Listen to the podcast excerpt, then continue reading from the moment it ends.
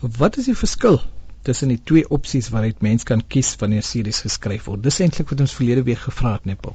Ja, dis wat uh, een van ons luisteraars wou geweet het en uh, ek dink dit's nogal redelik. Dis nie die enigste luisteraar wat dit wou geweet het nie. Daar's 'n hele paar mense wat wou geweet het.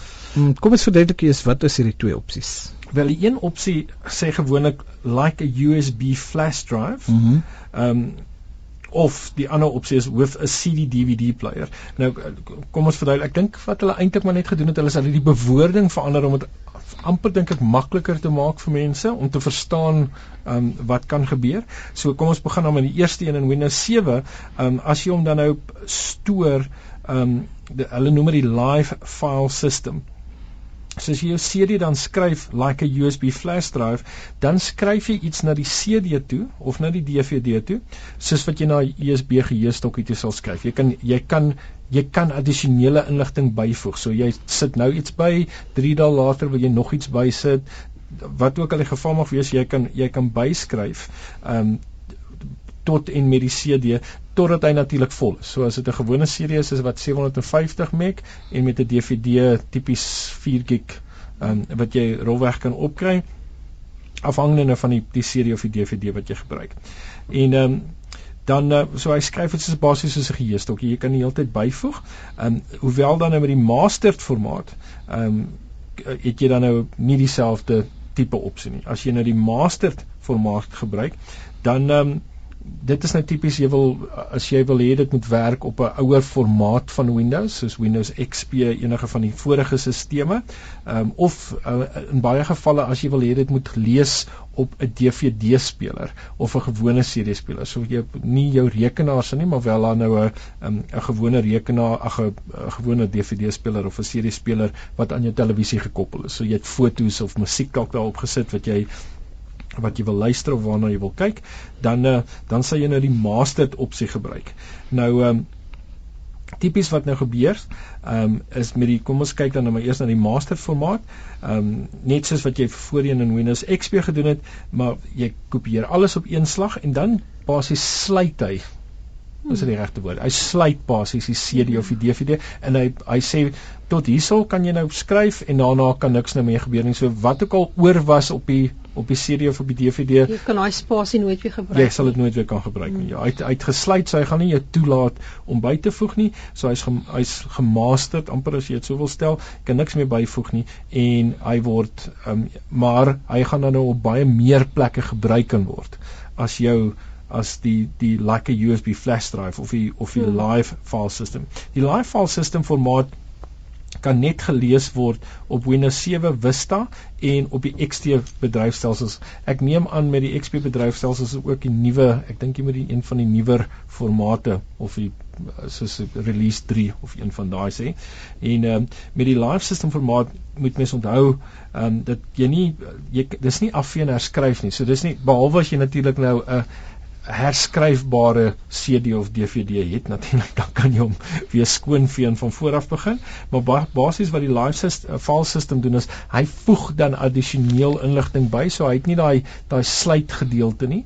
Um, en jy kan nou dan natuurlik addisionele inligting byvoeg tot en met die tyd dat jou CD of jou DVD dan nou vol is. En as jy herskryfbare een gebruik dan kan jy natuurlik ook Ja, dan kan jy tipies soos wat jy nou met 'n harde skyf sou maak, jy kan hom weer format mm -hmm. en hy maak hom skoon. Uh, maar 'n herskryfbare CD of DVD het kan jy ook net 'n sekere hoeveelheid keer. Hy is letterlik asof hy 'n laagie afval van die van die CD of die DVD aan en dan kan jy dan nou natuurlik weer op hom skryf. Ehm um, en asof jy nou van voor af weer begin. Hmm. Hmm. En uh, daar daar seker baie meer inligting op die internet oor hoe mens te werke gaan om hierdie twee opsies te gebruik. Ja, ja, ek het nou sommer webwerf gekry by Tech Republic www.techrepublic.com en weer ehm um, die een gaan spesifiek dan oor die mastered en dan staan by dieselfde webwerf is daar een wat dan gaan spesifiek oor die live ehm um, daai die die live file system.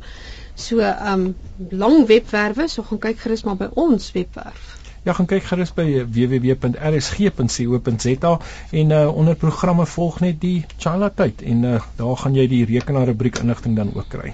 Nou Android tablette raak al hoe meer gewild. Ons het die laaste paar maande baie daaroor gepraat. Mm. Maar een van die probleme is van die tablette kan jy nie 'n ekstra geheuekaart byvoeg nie, so Samsung se.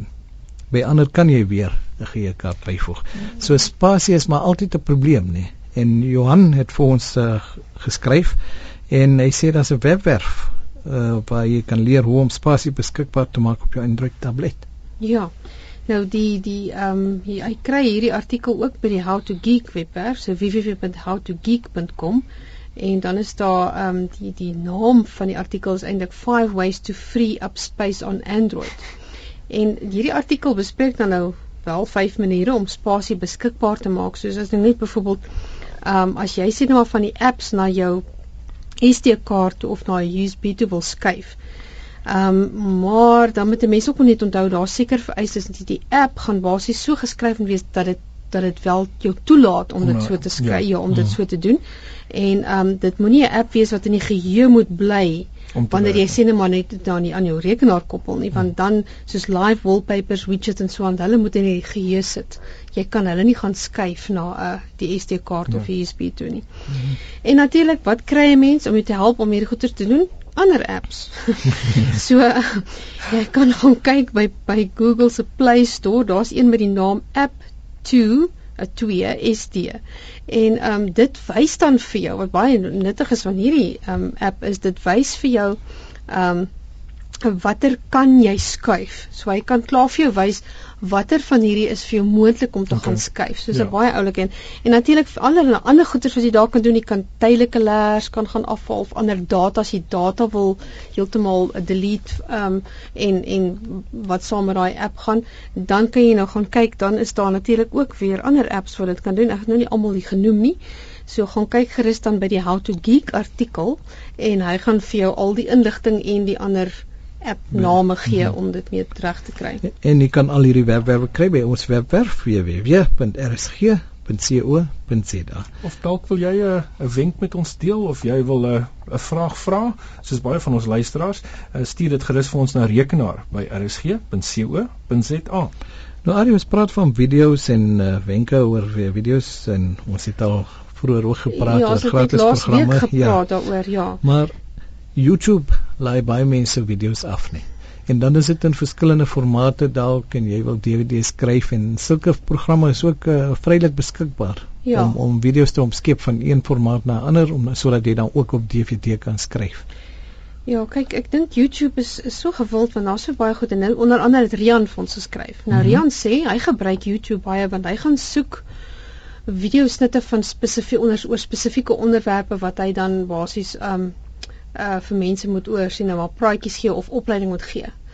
So dan gebruik hy dit, maar hy sê hy wat hy dan doen is hy gebruik dan 'n programmetjie um wat hy met ander woorde om dit vir jou te kan aflaai punt 1 dit programmetjie help jou om dit af te laai vergeef jou die stappe om dit af te laai en dan gaan omskep hy dit natuurlik van jou VLV formaat na die MPEG formaat toe en um en dan kan jy dit nou op DVD skryf so um ek weet nie of Werner of ook op hierdie maar Werner boord gehelp het gewees het met wat ons laasweek gesê het maar mm. daar's heelwat ander luisteraars wat ook baat sal vind by hierdie spesifieke um webwerf.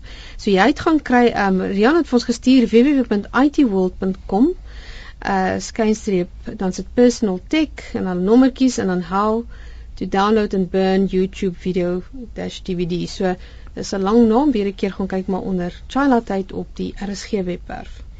En ons sê dankie. Ek wil net dankie ja. sê vir Johan en Rian vir hulle bydraes vir die week. Ja, en uh, as u bydraes het wat u wil maak, skryf asseblief aan ons.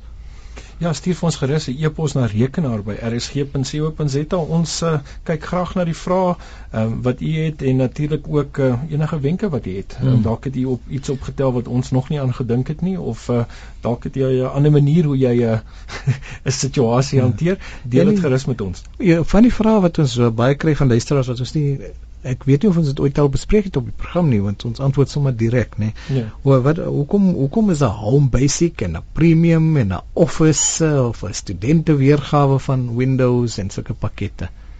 Ja, dit is nogal daar is nogal 'n 'n paar interessanthede waar wat mens moet weet oor die verskillende weergawe. So ons gaan bietjie volgende week daaroor gesels. Baie luisteraars het dit al gevra. So ons uh, as jy nie weet nie, kyk of jy die antwoord kan kry as jy wil. Um, ons gaan gesels bietjie volgende week oor die verskillende weergawe van Windows, want dit kan verwarrend raak en uh, wat uh, watter weergawe is beskikbaar en uh, dan ook met die Windows 8 wat uitkom. So ons gesels volgende week daaroor. Tot dan van Verkeerassen, Paul Grobler en Adie van Rensburg. Totsiens.